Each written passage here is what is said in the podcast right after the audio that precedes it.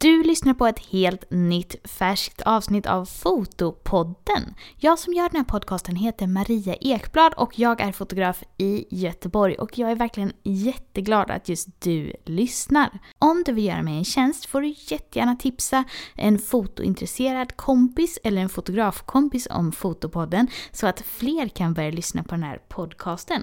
Det hade gjort mig jätteglad. Om du inte redan har varit med i Fotopoddens fotoutmaning så är det hög tid att du lägger upp ditt bidrag nu.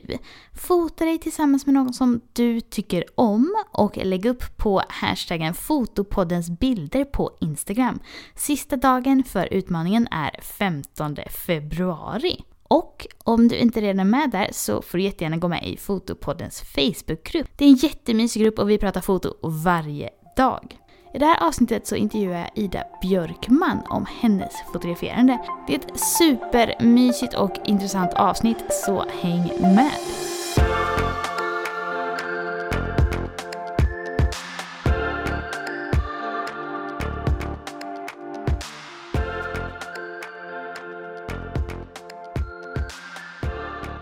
Hej och välkommen till Fotopodden Ida, vad kul att du är med! Tack så mycket! För de som inte känner till dig, vill du berätta lite om vem du är och eh, vad du fotar? Ja, eh, Miss Frankie heter mitt företag, Ida Björkman heter jag. Eh, 32, gud vad säger jag? jag fyller 33. Mm. Eh, och ehm, ja, alltså jag har ju min huvudfokus har det ju blivit på nyfödda. Men det är väl inte det som jag fotograferar mest egentligen, utan det är ju typ nyföddas familjer efteråt kan man väl säga. Mm. Så att det blir ju som att ja, ja men min, min huvudnisch är nyfödd foto. De bokar gravidfoto, nyfödd foto och sen så blir de återkommande kunder på familjefotobiten och någon eh, bokar bebisfoto. Just det. Um, ja. Och du finns i så Stockholm, det... eller hur? Nej, alltså det är det här som är många blandar ihop. Alltså jag ligger ju lite så här i mitten utav eh, smeten. Alltså Rimbo heter den här lilla staden. Mm -hmm. Och då har jag 40 minuter, ja, 30 minuter egentligen till Uppsala. Jag har 40 minuter till Stockholm, 30 minuter till Norrtälje. Så att jag har ju tre stora städer i, inom loppet av en timma ifrån mig. Så många, jag har ju väldigt brett och sen så har jag ju Västerås en timma ifrån och jag har ju, mm.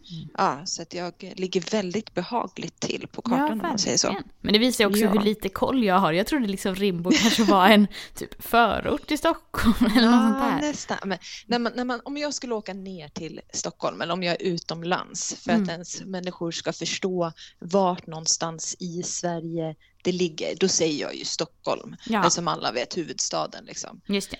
Mm. Så att, ja, ish, okay. Stockholm-ish. Mm. Ja. Men mm. hur länge har du eh, jobbat med det här då och hur började det för dig? Ja, alltså jag har ju kört bröllop mm. väldigt länge. Liksom. Det är väl kanske, det, det måste typ vara 14 år, någonting sånt där nu, 12, 14. Mm. Mm. Um, men sen så 2018 så slutade jag med det helt. Och eh, så att just det här att jag har varit alltså, på professionell nivå med nyfödda och gravida familjer så, det har ju varit sen 2018. Mm. Ja, blir men, det ju. Mm. Och hur länge fotade du bröllop innan det sa du? Ja, men cirka... Men gud, nu, nu ska vi köra matten här då. Eh, jag... Nej, men ungefär bara. Ja, men jag började när jag var 18. Ja, okej. Okay. Ja, men ganska länge då. Ja, ja, ja. Det inte för att men... kalla dig gammal.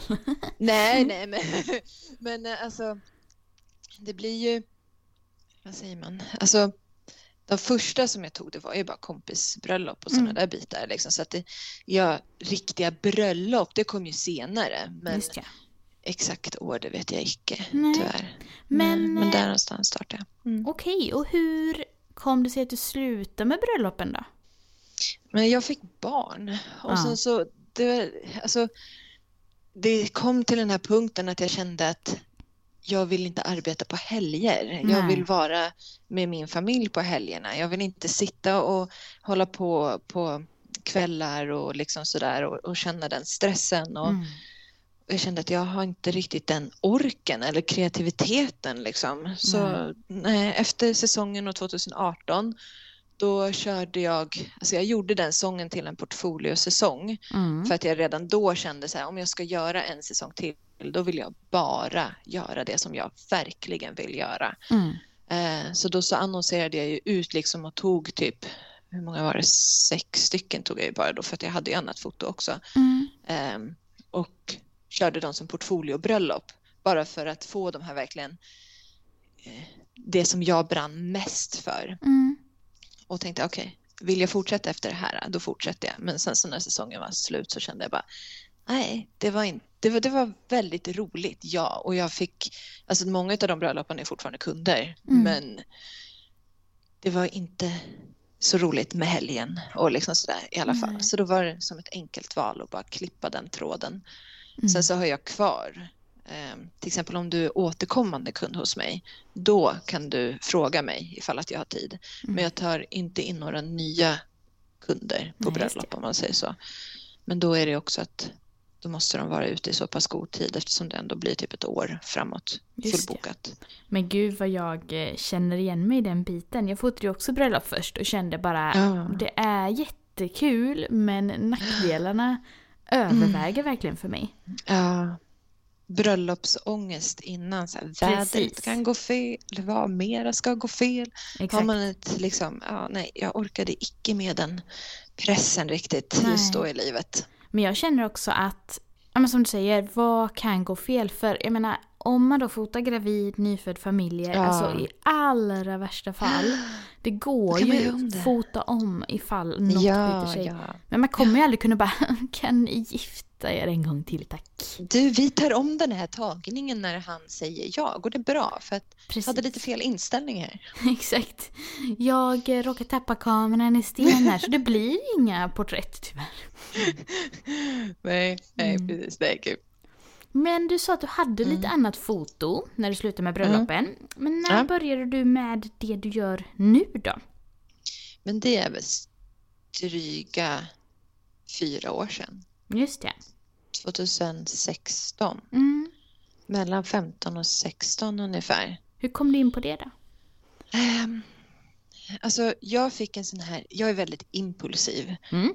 Ibland mer än mitt, för mitt eget. Man brukar säga så här att din starkaste drivkraft du har kan även vara ditt, det som sänker dig. Liksom. Yes. Eh, och mitt är väl min drivkraft. Det kan liksom så här både bara ta mig till höjderna och bara okej Ida, du är ute på djupt vatten nu.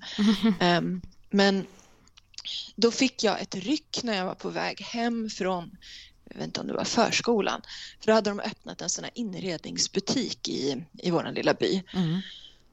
Och den var väldigt så här, shabby chic, retro, rustik, eh, återbruk så, Mm. vilket jag älskar. Ehm, så jag bara, jag kan fota där inne. Mm. Jaha. Så jag gick in och så sa jag bara, hej jag heter Ida, jag vill fota här. kan, får jag göra det? Och eh, så annonserade jag ut. Och då var det en av de som kom. Mm. För det var verkligen sån här eh, typ minisession fast det, priset var ju obefintligt. Alltså det var ju minisessionernas rea, köpahall eller vad man säger. Ehm, men en av de då som kom liksom var en nyfödd och jag reflekterade liksom inte att bebisen skulle vara så liten. Så den här bebisen var tre veckor. Och jag hade liksom satt upp en scen som skulle kanske vara för en tre månaders eller lite äldre. Jag hade ingen erfarenhet alls, alltså hur stabil eller hur mycket de orkar hålla upp kroppen eller någonting sånt där. Och efter det så var det typ som att jag så här bara, ah, det här fick jag en utmaning utav. Mm. Och jag är utmaningsjunkie, kan man säger. Och då var det som att det tändes en liten låga. just ja. Och så, så liksom bara fortsatte på det spåret och bara tog en till och en till och en till och en till och en till. Mm. Ehm, ja, och sakta seglade jag inåt mot majoriteten. Liksom. Mm. Vad fint. Ja. Ja, jag tycker det är kul att höra på för jag har ju liksom lite samma vi har haft samma liksom resa eller vad man ska säga. Jag, jag tycker Ja. det är så fint att man verkligen kan välja att jobba med det som passar en bäst. Att liksom, Ja, De som gillar att göra bröllop kan göra bröllop. De som gillar att Yes. göra bebisar kan fota bebisar. Mm. det är Men väldigt trevligt. Mm. Om du skulle beskriva din stil för de som inte mm. har sett mm. dina bilder, hur skulle du eh, säga att de är? Alltså oj. Alltså det här är så lustigt för att det är alltid alla andra som ska beskriva min stil. Mm. Jag har aldrig själv fått beskriva den. nej. Så nej, det första jag tänker på är ju liksom det jag får upp i huvudet när andra säger den. Och det är ju varma och moody och liksom så här. Fast det är inte alltid det jag ser själv heller. Jag kan se väldigt ljusa, eh, lite blåkalla highlights också, vilket jag kan tycka är oerhört vackert. Mm. Men mycket skuggor, ja. mycket skuggor eh, och mycket Alltså det här kjolen i vinden, håret i vinden, håret mm. som drar framför ansiktet. Alltså nu pratar jag utomhus. Ja. Um, men det som är min röda tråd som jag liksom sådär, det är ju att temperaturerna är lite samma. Mm. Alltså just i, i, ehm, i varm, varmhet både in och ute och skuggorna och kontrasterna. Att det, just ja. De ligger rätt högt liksom. Mm. Um, ja. Jag tänker också, för om man liksom jämför dina och mina bilder så ah. känns det ju som att vi på ett sätt är lite motsatser. För det känns som att ja, ja. även om det handlar om bebisar, det är familj och liksom närhet så i mm. dina bilder så händer det ju väldigt mycket. Ganska mm. ofta. Alltså det är liksom som du säger, mycket hår i vinden och ja. alltså grässtrån och kramar och sånt. Medan mina mm. bilder kanske är mer här är bebisen mot en clean bakgrund. Ah, ja, ja, ja. Mm. Men det är väl det som är olikheterna. Alltså, när... Eller, ja, alltså...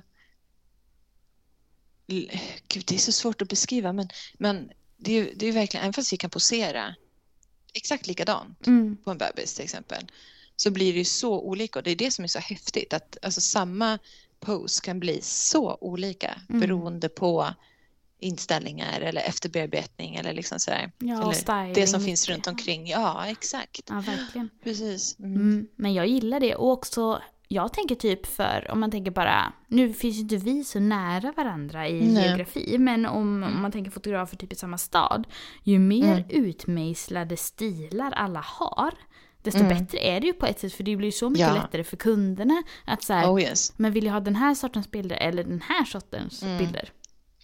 Men det är ju ofta så tyvärr att många kunder ser inte den där skillnaden. Nej. Eh, och det, det blir sån himla hårt. Dels så är ju nyfödd foto och på det här sättet är ju fortfarande väldigt nytt i Sverige. Det, ja. har ju inte, det har ju bara slagit nu de senaste två, tre åren att det har börjat bli riktigt stort liksom. Mm. Eller mera så. Men ehm, man, eh, man, det händer att jag får kunder rätt ofta ändå nu för tiden som bara säger så här, vi vill ha dig. Mm. Vi ska mm. inte ha någon annan, vi ska ha dig för att din stil är på det här sättet. Ja, men, men så har det ju inte varit förut, utan mm. då har det ju liksom samma människa som bokade mig för nyfödd foto i min mörka stil gick och bokade till exempel din ljusare stil mm. för gravidfoto. Mm. Eh, och det är egentligen tavlorna på väggen kommer skilja sig väldigt mycket. Liksom. Mm. Eh, men för dem så ser inte de den skillnaden. Nej, jag vet. Alltså jag höll på och krånglade med en kund som ville boka mig och så skickade hon bilder från ja, men andra fotografer här i stan som har mycket så ja. mer ja, men, varma toner och liksom mindre saturerat och liksom, men mer ah. liksom beige och så. Och så ah. höll jag på att krångla med henne och var typ så här, men mina bilder ser mer ut så här. Det är sådana du vill ha så kanske du borde gå till den andra fotografen. Ja. Men i slutändan var kunden bara såhär, men vadå, jag vill bara ha bebisbilder, kan inte jag få komma till det? Och då var jag så här, jo men absolut. Så det som du säger, det är, även om det kan vara lite så mind-blowing för oss, mm. så, så är det inte säkert att kunderna, de kanske ser. mest ser en gullig bebis ändå. Precis, exakt. De ser mm. detaljerna mera. Mm. Eller detaljen på bebisen mera. Ja, just det. Men om man, jag brukar nästan säga, är det att kunder har varit så, då som du gjorde, att skicka en bild. Mm. Att säga, det här är mina bilder och det här är det du efterfrågar. Jag, jag kan inte leva upp till det där. Det här är min bildstil liksom. Ja, jag vet. Och sånt tar jag med avtalet och grejer också som de får mm. redan innan. Att så här, ni bokar mig för min bildstil. Mm. Eh, det är min redigering som är jag är ansvarig över min redigering och ni är medvetna om hur jag redigerar. Mm. Eh, och så får de godkänna det. Ja. Så att då, då vet de att de Ja. inte kan be mig efterhand göra allting ljusare. Nej, precis. Mm. Det är rätt smart ändå. Ja. Men eh, hur har du gjort för att etablera dig som fotograf och få in kunder? Ehm, största frågan. jag vet. Varsågod. Hur? Hur har jag gjort det? Då börjar vi. Vi sätter timern på två timmar. Eh, nej, men eh, gud.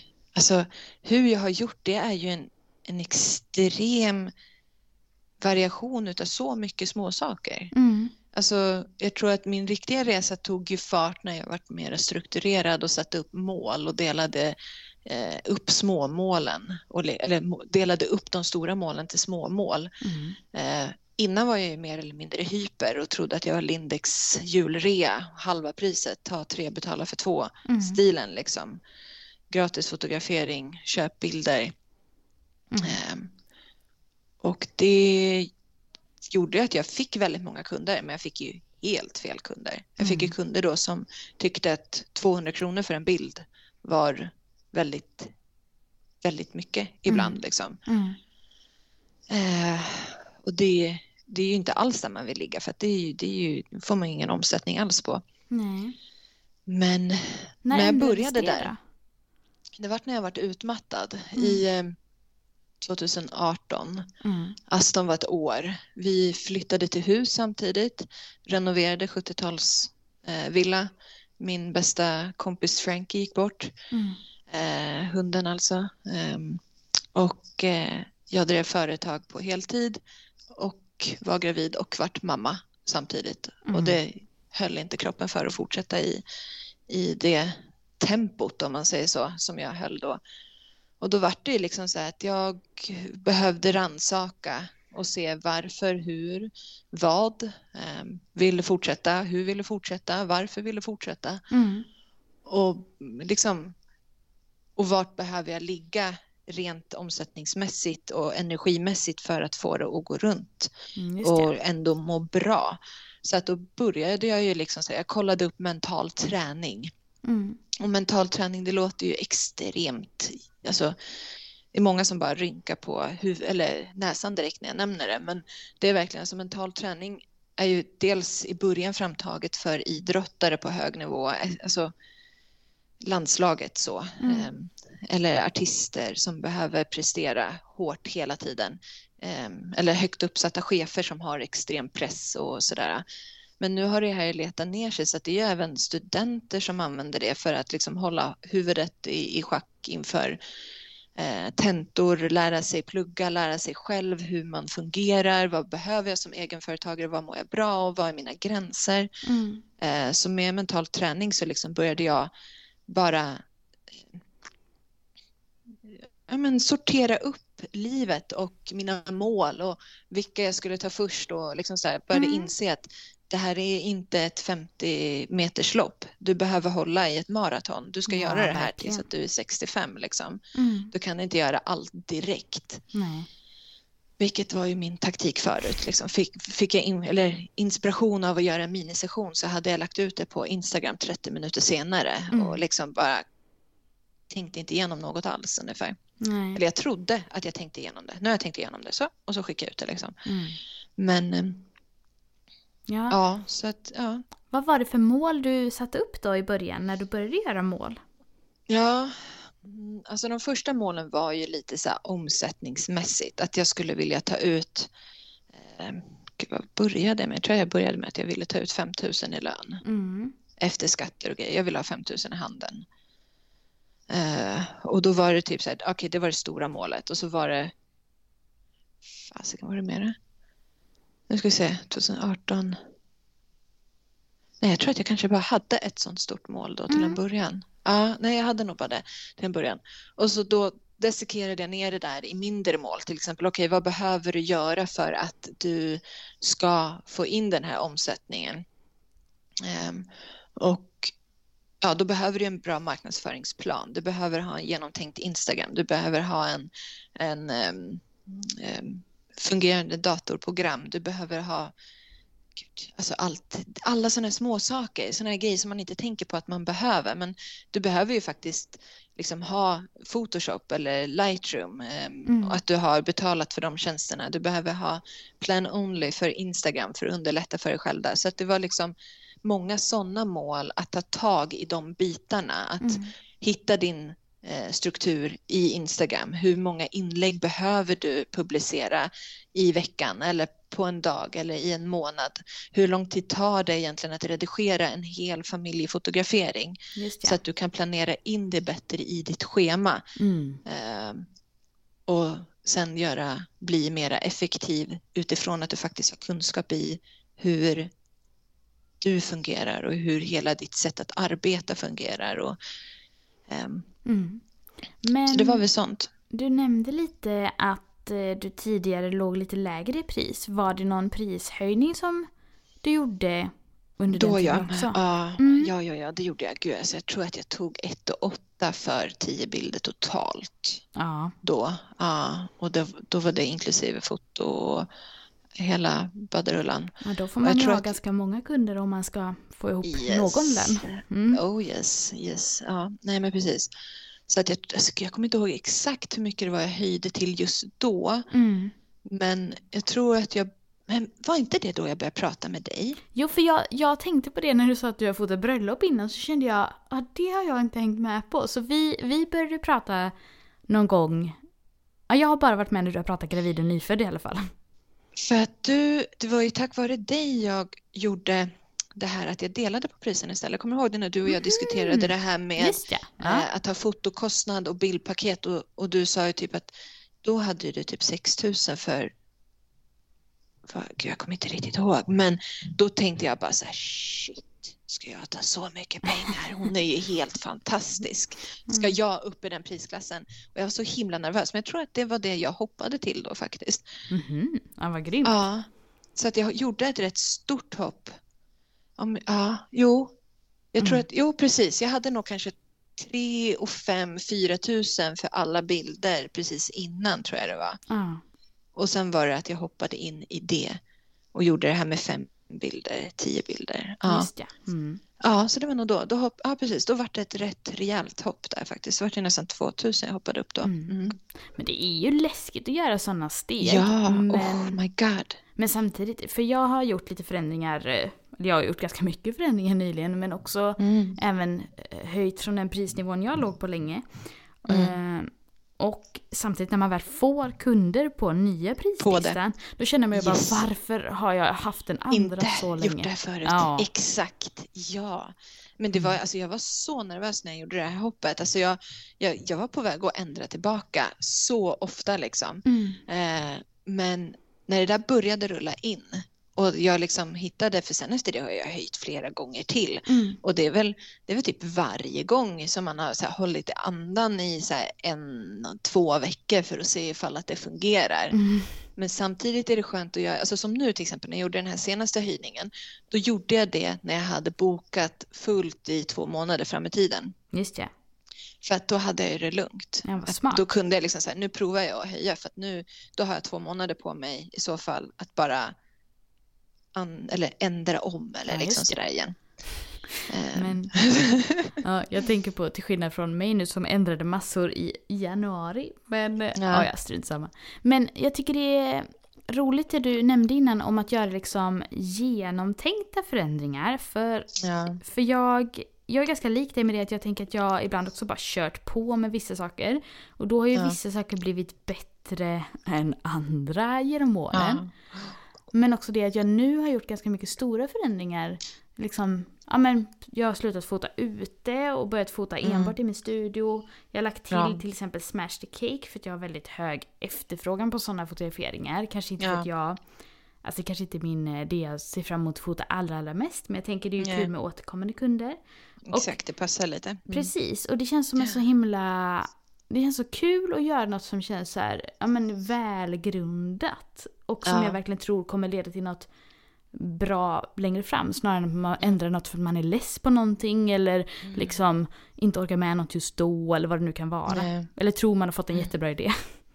Ja, alltså hjärnan fungerar ju lite på det sättet att när du, alltså just det här med eh, beteende, snabba belöningar och långsamma belöningar. Ja, alltså hela det. det systemet liksom. Mm. Och många gånger när du får upp en sån här Åh, nu ska jag göra minifotograferingar eller åh, nu ska jag ändra det här konceptet eller nu ska jag, då blir det som att här, du belönar gärna för tillfället. Ja. Att här bara, åh gud, det här nu. Men så, så står du där sen efteråt och bara, ja, det här gav mig ingenting. Jag är fortfarande pank. Fortfarande inga pengar och jag är fortfarande trött. Så Ja, ja, det. vart ju bra för stunden. Men ja, nu då? Mm. Och då måste man hitta på en till sån där för att belöna sig själv. Ja. Och då, då blir det liksom inget bra. Men har man en lite mer struktur, nu menar inte jag att man ska eh, bara ha struktur. Jag är extremt impulsiv, men tack vare att jag har min låda, att jag har min struktur, så kan jag liksom bara så här, skita i den där ett tag och bara gå nuts med någonting. Mm. Men ifall att när jag är klar med mina impulsiva eh, historier så kan jag sen liksom bara okej, nu fortsätter jag redigera. Nu Mm. har jag mitt tempo, jag har mitt schema. Så, då, eller planera om liksom. Men har man ingenting utav det där, drar du iväg på för mycket impulser så kan du liksom så nästan stjälpa hela båten. Eller bli väldigt stressad och må dåligt utav det. Alltså stjälpa båten betyder ju inte att du nödvändigtvis behöver sätta företag i konkurs, utan nu pratar jag om din egen konkurs. Liksom. Hur mår du ja. i det? Eh, mår du bra utav att göra så mot dig själv hela tiden? Liksom? Mm. Men bara för att lyssnarna ska få liksom något exempel så det eller så. Jag, kan- jag kan berätta om till exempel en gång så men jag, jag har jobbat med mitt andra jobb som jag har haft och gått ner ja, men sakta men säkert i tid på det. Samtidigt som Ja. jag haft fotandet. Och då ett dåligt beslut jag gjorde en gång på lite impuls var att jag eh, ja, men hade väldigt mycket på andra jobbet och då hade jag väldigt många som beställde väldigt mycket tavlor. Och då Ja. ändrade jag om i prislistan så att det skulle liksom vara ja, men mer fördelaktigt att ha digitala bilder enbart. Men eftersom det tidigare ingått produkter så låg jag kvar ja, men kanske lite för högt. Att mina startpriser blev väldigt höga. Ja. Och ja, det var ju helt enkelt grundat i att jag var stressad på mitt andra jobb. Inte att det var Ja. supersmart för hur mitt Nej. företag ska drivas. Så Exakt. det ändrade jag ju tillbaka efter ett tag och Ja. strukturerade prislistan smartare. Mm. Sen kan man ju fortfarande ligga högst på digitala bilder men ja, det var liksom det kom från fel håll det beslutet liksom. Exakt. Det var inte så... Man tror ibland att man har tänkt igenom saker och sen så bara publicerar man det jättefort. Eller Precis. utan att egentligen bara så här, behöva sova på det eller grubbla på det ett tag. Exakt. Men eh, när du, eh, när du jobbar med dina kunder och så. Jag Mm. upplever om man tittar på din Instagram att du ofta är bokad ganska långt i förväg. Ja, det är rätt sjukt. Det är så här, jag förstår inte nog själv det riktigt. Alltså när, Nej. när, det, när det bokades på så extremt, jag sa till min kompis att det här, det här känns som att det händer för någon annan. Det är inte jag själv som är i det här. Men Ehm, vad tror du liksom är det som har gjort att det har blivit så? Vilka steg är det som har lett dig fram till det då? Jag tror att jag...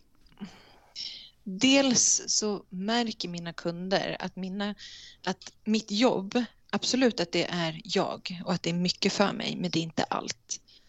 Det är min familj som är viktigast för mig. Mm. Eh, och det har jag varit väldigt tydlig med att jag tar inte så många bokningar för att jag vill inte jobba mer än vad jag är med min familj. Mm. Eh, och då vet de i sin tur också att jag jobbar inte heltid med det här hela tiden. Mm. Ibland gör jag det, men inte när jag känner för det. Eh, vissa månader så tar jag helt ledigt, eller som på jullovet när de var borta i tre veckor tog jag ju mindre fotograferingar. Jag var typ ledig nästan hela december. Eh, och nu sportlovet kommer och liksom så här, folk har det där impregnerat lite i när de kommer till min Instagram och hur jag sett hur jag formulerar mig på i min text eller så där, att de vet om att jag gör inte massproduktion utav någonting. Mm. Eh, och ska du ha en tid hos mig så får du ta den, annars så får du ta den nästa gång det finns plats. Ehm, och det är väl lite det att jag, ja, men jag sätter mitt eget värde högre än vad jag sätter att få in bokningar. Jag är hellre fattig än att jag pushar mig själv för mycket. Mm. och då får man väl lite känslan att okej, okay, jag behöver ta den här bokningen.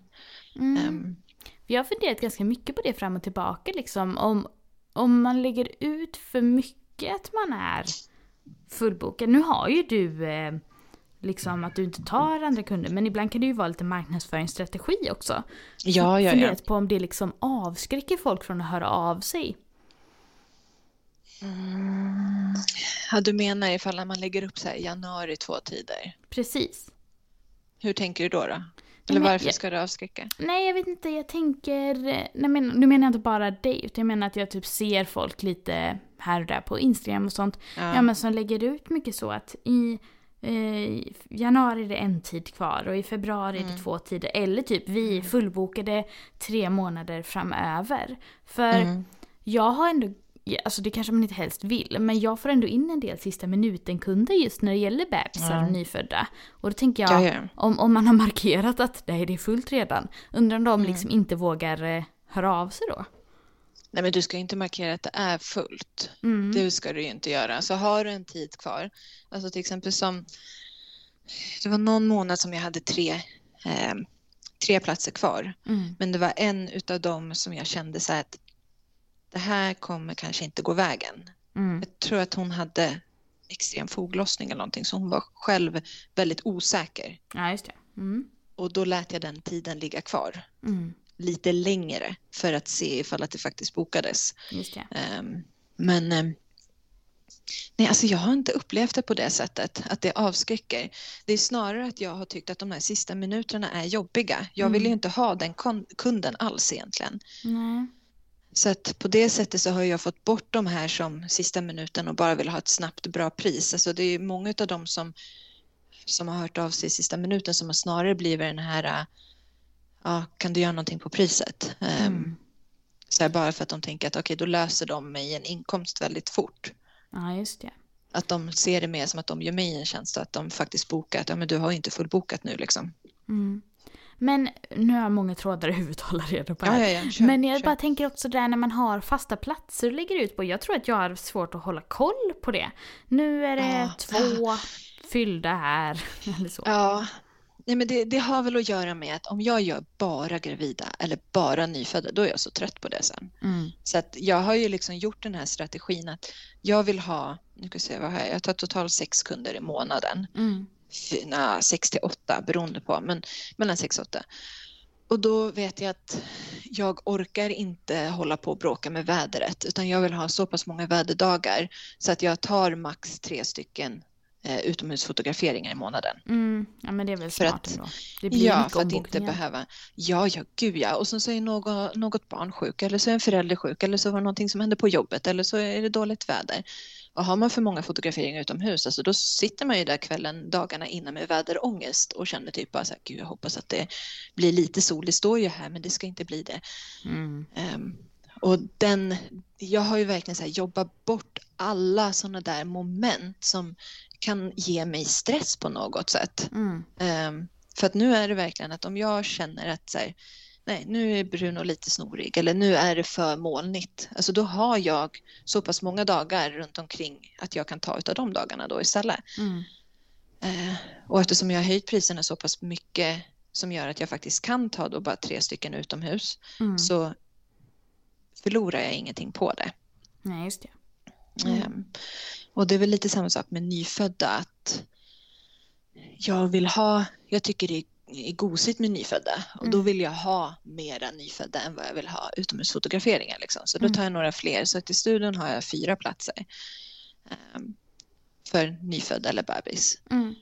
Och då blir det, ja, då parerar jag mellan det. Det som jag är mest sugen på. Liksom. Har jag haft en månad där det råkade bli de mera bebisar eller mera gravida för att det var dåligt väder så där, då lägger jag in nästa månad mera tid med, eh, med bebisar. Ja, just det. Och gör lite det som jag själv är mest sugen på. Liksom. Mm. Men det här apropå att vara bokad långt i förväg och så, har du många kunder som är återkommande? Majoriteten av kunderna för familjer är bara återkommande kunder. Mm. Um, någon enstaka har kommit in som ny, men de har fått tag i tider i mars eller november. Så att jag har ju på det sättet att när du kommer till mig så får du redan då förfrågan att så här, vill du eh, vara med på min e-maillista för återkommande kunder och i september då så släpper jag den här e-maillistan och ni har möjlighet att gå in och boka er tid redan då. Så att då skickas ju mejlet utåt till alla kunder och då mm. bokas det. Mm. Ja, spännande. Så det blir uh, det är rätt skönt att ha återkommande familjer just för att många gånger så är det lättare att fotografera människor som man har någon sorts form av relation till. Ja, så har jag redan sett dem, ja, för både gravid och nyfödd, när de ställer sig framför min kamera utomhus, då gör de mitt jobb väldigt enkelt. Ja, också jag tänker att när du säger det, relationen finns, då litar de ju redan på en och gillar ens ja. bilder och gillar ens priser. Så det är ja, återkommande kunder är verkligen guld värd. Ja, oj ja, jättegosigt. Mm. Mm. Jag har ju en Facebookgrupp, Fotopodden mm. heter den på Facebook och ni som lyssnar yes. får jättegärna gå med om ni inte redan är med där. Men eh, där brukar jag lägga ut ehm, eh, ja, men lyssnarfrågor helt enkelt. Och eh, mm. jag har fått någon i gruppen men också fått en hel del på PM.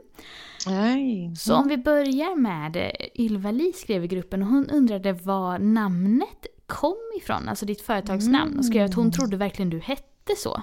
Ja, den jättemånga som faktiskt när de skickar förfrågan till mig så skriver de Hej Miss Frankie eller Hej Frankie. Mm. Um, men nej, Miss kommer ifrån att jag gifte mig så det är MRS. Mm. Um, och Frankie är min hund uh, som dessvärre inte finns med oss längre. Ja, så när hon gick bort, det var en fransk bulldog, så när hon gick bort så eh, tog jag hennes namn för att bära med mig henne. Mm. Och hon, hon dog utav, eh, vad säger man, cancer eller knölar, tumörer så liksom. Mm. Så att hon krigade och var så extremt envis in i det sista liksom. Hon stod vid min sida även fast hon hade sån jävla smärta. Så usch fy fan. Mm. Och, um, så då bestämde jag mig för att hon ska med i företaget och hennes envishet ska liksom leda mig genom det här. Gud, titta! Hundar och djur, det kan vem som helst börja gråta utav. Oh. Mm. Ja, så att det är därifrån det namnet kommer. Miss ja, Frankie. Mm. En annan fråga som jag fick var en som skriver anonymt att de vill fota liksom lite mer ja, men åt ditt håll. Ändå liksom som jag menar att det är mycket närhet och liksom mycket som händer i bilden och de här fina färgerna. Men tycker det är liksom lite svårt att få till när kunderna är stela. Och undrar om du har ja. några tips? Um, träna. Mm. Alltså, det är ju lite så här att en människa som är väldigt eh, introvert mm. behöver träna på att vara extrovert mm. och vice versa. Och just att hur du kan avväpna kunder och liksom göra så att de känner sig bekväma. För att om du inte är bekväm, då kommer inte de känna sig bekväma och de känner det i luften. Men om du kommer in med just en kroppshållning, raka axlar, självförtroende liksom, som att du äger det här rummet, du vet exakt vad du ska göra även fast du gick på toaletten fyra gånger innan fotograferingen och tro mig, det har jag också gjort. Men mm. så fort kunden kliver innanför dörren så är det som att du ska gå in i en roll. Det är teaterrollen liksom. Eh, och bara liksom äga situationen. Du ska äga din nervositet eh, mm. och inte låta den ta över dig. Eh, och det bästa man kan göra för att försöka få någon sorts form av liksom att man inte känner att man ska göra allting på en gång, för det kommer du aldrig kunna göra, utan man måste ta en situation i taget. Att till exempel den här fotograferingen ska jag träna väldigt mycket på mm, pappa och bebisbilder. Ja, och så lägger man in lite extra där och så har man tittat inspirationsbilder innan eller har idéer om vad man vill göra. Man har ritat upp, jag till exempel som idag har jag en fotografering med en en gravid och hennes familj och de här barnen är lite äldre. Mm. Um, och det är väl lite så utanför min comfort zone att ha så här mycket äldre barn. Mm. Um, och jag älskar att se saker fysiskt. Alltså, jag ser det bättre än i, på en skärm. Liksom. Mm. Så jag satte mig och ritade upp liksom, olika scenarios och skrev stolpar till de här. Att liksom, ah, mamman står här, flickan Just står det. där. Eh, och sen så nu då har jag fått in det här i mitt bildminne eftersom hjärnan drar ju in sådana här saker lättare än att du sitter och tittar 50 olika bilder på Pinterest Mm. eh, i poseringsappar eller någonting sånt där. Utan just få det där bilden du har i huvudet ner på ett papper gör att hjärnan tar in det där eh, mera. Och så läser man det där precis innan, kanske tar en bild på det så du har det i kameran. Eh, och sen så tränar du på just det scenariot Mm. eh, någon gång. Eller så gör du just den här bilden med varje familjemedlem. Eh, så att du får träna på både mamman och pappan i det där scenariot. Liksom. Ja, just det. Eh, så att ja, ja, Jättebra. ja, dissekera ner det där också. Mm. Det, det är verkligen det man gör. Jag vill göra den här bilden, okej, hur behöver jag göra för att få den här bilden? Jag måste vara självsäker, jag måste vara genomtänkt och jag måste ha en plan. Och jag måste just träna på just den där bilden. Jag tror också som du säger, det är jättebra att liksom ha ett mål per fotografering. Så. Ja, Alltså så här, som du säger, idag ska jag träna på det här. För ja precis. det är som du säger, om man ska bli bra på allt samtidigt så kan det ju Ja, bli lite nej. överväldigande. Oh yes, men då ser man ju inte linjen. Alltså man måste följa linjen på något sätt när man ska utbilda sig till någonting eller bli bättre på någonting. Mm. Eh, då måste man verkligen ha den där vägen framför sig men samtidigt inte att vara rädd för att gå in på en ny väg. Nej, Men bara du har ditt sikte, liksom. Mm, ditt varför. Och... precis. En till fråga har kommit Mm. in här anonymt och den handlar om styling. Typ hur tänker du när du letar rekvisita och vad som passar in och inte i dina bilder?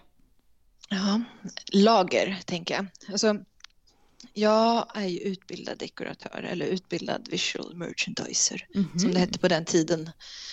Ehm, så att jag har ju jobbat och fått väldigt mycket utbildning när det kommer just till olika material och hur man ska tänka för att det ska bli liksom attraktivt så. Jaha, oj vad kul. Det Säljande. märks ju verkligen i dina bilder. Tack, tack, tack, tack. Ja, nej, men det älskar jag. Jag tycker det är superkul. Ska jag jobba med någonting annat i livet så är det antingen det eller barn. Ehm, men där handlar det ju väldigt mycket om hur eh, olika material kan häva varandra. Mm. Ehm, och det är väl lite så jag alltid tänker att så här, går jag in på H&M och så ser jag en tröja som bara så här, de där fransarna var helt fantastiska. Jag skiter fullständigt i tröjan men jag vill ha de där fransarna. För att den där kan vara jättefin med den här krämvita halsduken. Alltså och liksom Mm. lägga en bebis där tillsammans med det. Alltså man, man får, där är den här utanför boxen, att hitta och se saker för vad de är istället för vad de är gjorda till. Mm, Just det. Ehm, Men en använder du... äppellåda är ju inte gjord för bebisar egentligen. Liksom. Nej, precis. För har du mycket som du använder som kanske inte, ja men som du säger, ursprungssyftet är det från början? Ja, majoriteten är det. Ja, Mhm. majoriteten är det. Mm. Alltså det är ju det är nu på senare år som jag har valt att liksom börja köpa in mera rekvisita som är ämnad för syftet. Men det är för att jag inte har lika mycket tid att springa runt på loppisar som jag gjorde när jag inte hade så mycket kunder. Liksom. Då hade jag ju mera tid till att freebasea mera. Ja. Eh, Men i början och även nu ifall att jag får sug för någonting, att, ja, men som vad var det för någon, några veckor sedan, då saknade jag sleepy hats. Mm. Och så kom jag på att men tusan, jag har ju faktiskt ungarnas urväxta kläder nere i källaren. Ja, perfekt. Då fick jag sju nya sleepy hats från deras gamla tishor. Mm. Ja, just det. Ja. Så Mm. att det, ja. Mm. Och sen har jag fått in en till fråga där någon skriver eh, att tycker det är jättekul att fota men undrar om du någonsin liksom tvivlar på dina bilder eller liksom känner att det är läskigt att posta. Jag gjorde nog mer det förut. Mm. Nu har jag ju fått min...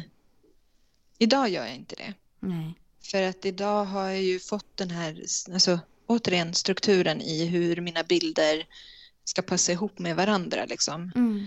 Ehm, Men sen absolut så vissa fotograferingar blir ju kanske kallare i tonen på grund av deras hårfärg eller eh, på grund av kläder som toner på kläderna till exempel är ju sådana saker som också kan sätta ton i, i bildredigeringen. Mm. Och då anpassar jag det. Men det är ju mer en medvetenhet, liksom att ja, men det är klart att inte allting passar ihop. Då får jag ta det här vid en annan eh, tillfälle när bilderna passar mer ihop. Just det. Jag Ehm. tänker, jag vet inte om den här fotografen är lite nyare eller så, Mm. men ju längre man jobbar desto mer vet man ju vad man själv vill åstadkomma. precis. Men om, om det är så i det fallet att hon är nyare, då tycker jag inte att hon ska bry sig ett dugg om det jag precis sa, utan då är det snarare att du måste ha ut ditt material. Mm. Och det här med att eh, saker och ting ska passa så himla bra ihop på Instagram, det är mer en lyxsituation.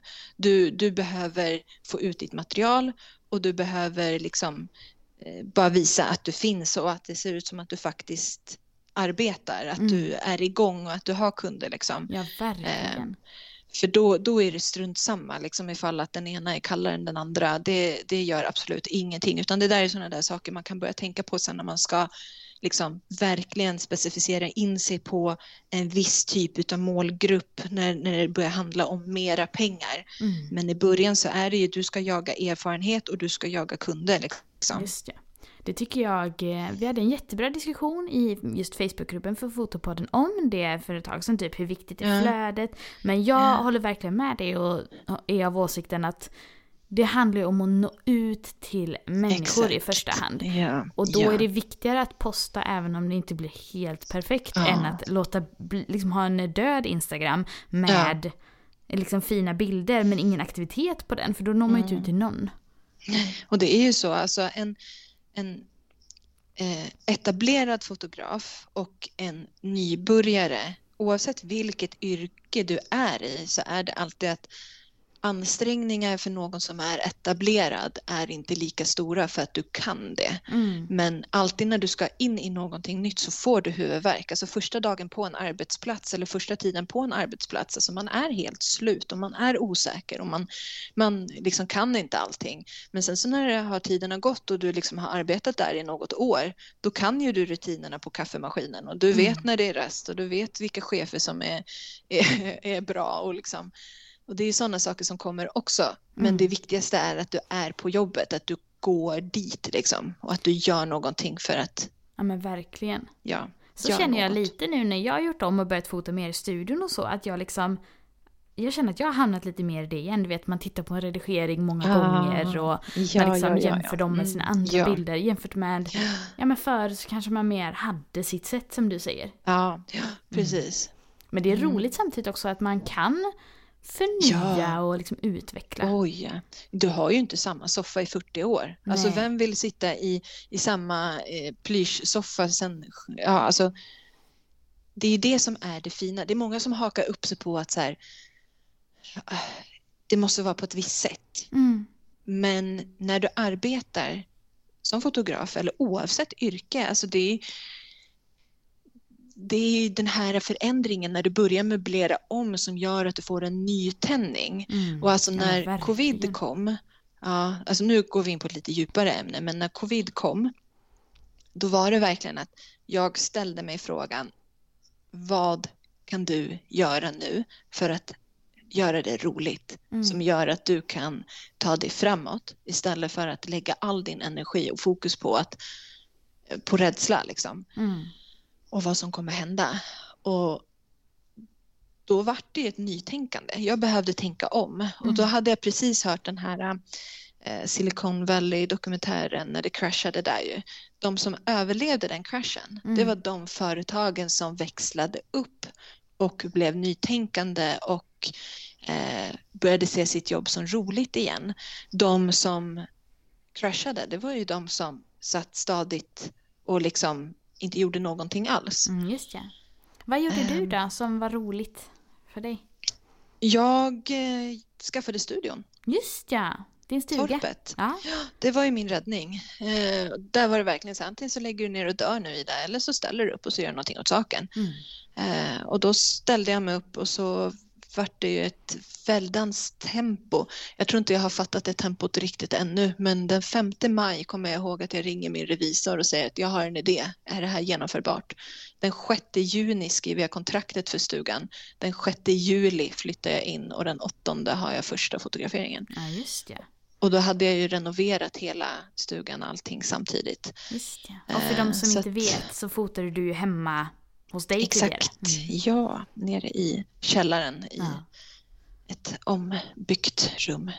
Men jag tror också det är så himla viktigt som du säger att liksom eh, göra det roligt. Om man ändå är sin egen chef då får man ju vara en Ja. bra chef för sig själv också. Exakt. Och ja men typ som för mig, det här med att jag slutade att fota ute. Jag har nog varit ganska liksom sett mycket nackdelar med det och varit trött på det av olika anledningar. Mm. Alltså ganska länge. Framförallt det här med sena kvällar. Och Ja. ja men eh, framförallt när jag väl har fotat och varit med kunder jag tyckt det varit väldigt kul. Men du vet, köra hem från en fotografering. Om det är Mm. på sommaren och det är ganska sent.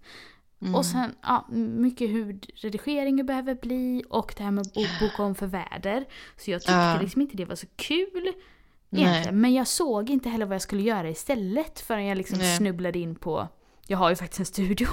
Men, ja, men och nu känns det ju liksom super, super kul. Så jag Ja. tror, jag tror det är viktigt med sånt också ibland. Ja, och förändra eller att utveckla koncept som man har. Precis. Och jag tror inte man ska vara så rädd för det heller som vi pratade om innan. Och så länge det är liksom väl grundat och genomtänkt. Ja, Typ nu gör jag det för att jag, jag vet att jag kommer vilja ha en bra arbetstillvaro framöver. Jag kommer inte vilja jobba kvällar och helger. precis. Och också att jag tycker det är väldigt kul i studion och vet att liksom, kunder vill ha sådana bilder också. Ja, och sen så att just det att man tar sig en, en analys liksom en gång per år eller någonting och så bara okej, vad har varit kul? Vad har varit jävligt? Vad vill jag förbättra? Vad eh, har gått bra? Eller liksom sådär. Och så att man ser också att jag har tyckt att det har varit jättejobbigt hela det här året med gravidfotografering. Mm. Okej, men varför har du tyckt att det har varit jobbigt? Vad är det som har gjort i gravidfotograferingen? Är det hela gravidfotograferingen eller är det bara vissa moment där? Kan du förändra det här på något sätt så att det passar dig bättre? Just det. Och det var ju det du hittade då, att okej, Mm. det är inte själva gravidfotograferingen utan det är sättet du gör det på som var irritationsmoment för dig.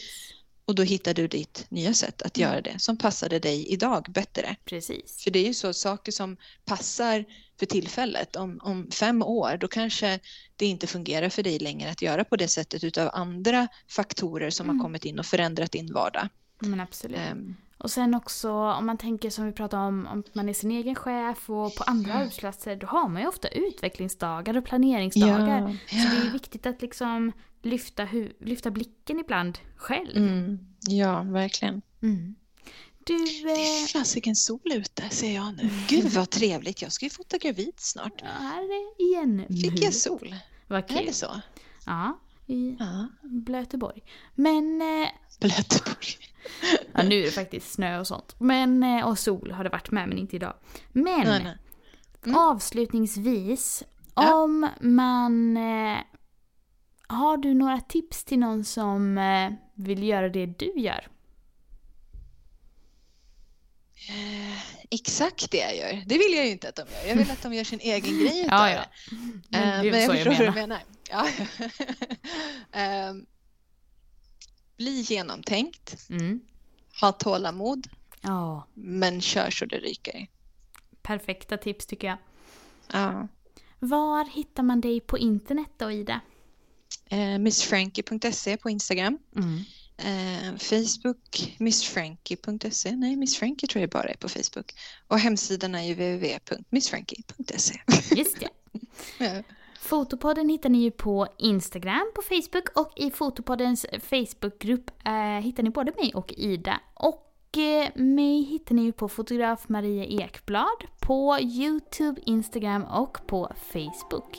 Så får ni alla ha det fint så länge. Tack så hemskt mycket för att du var med Ida. Tack, tack, tack. Och tack alla som har lyssnat.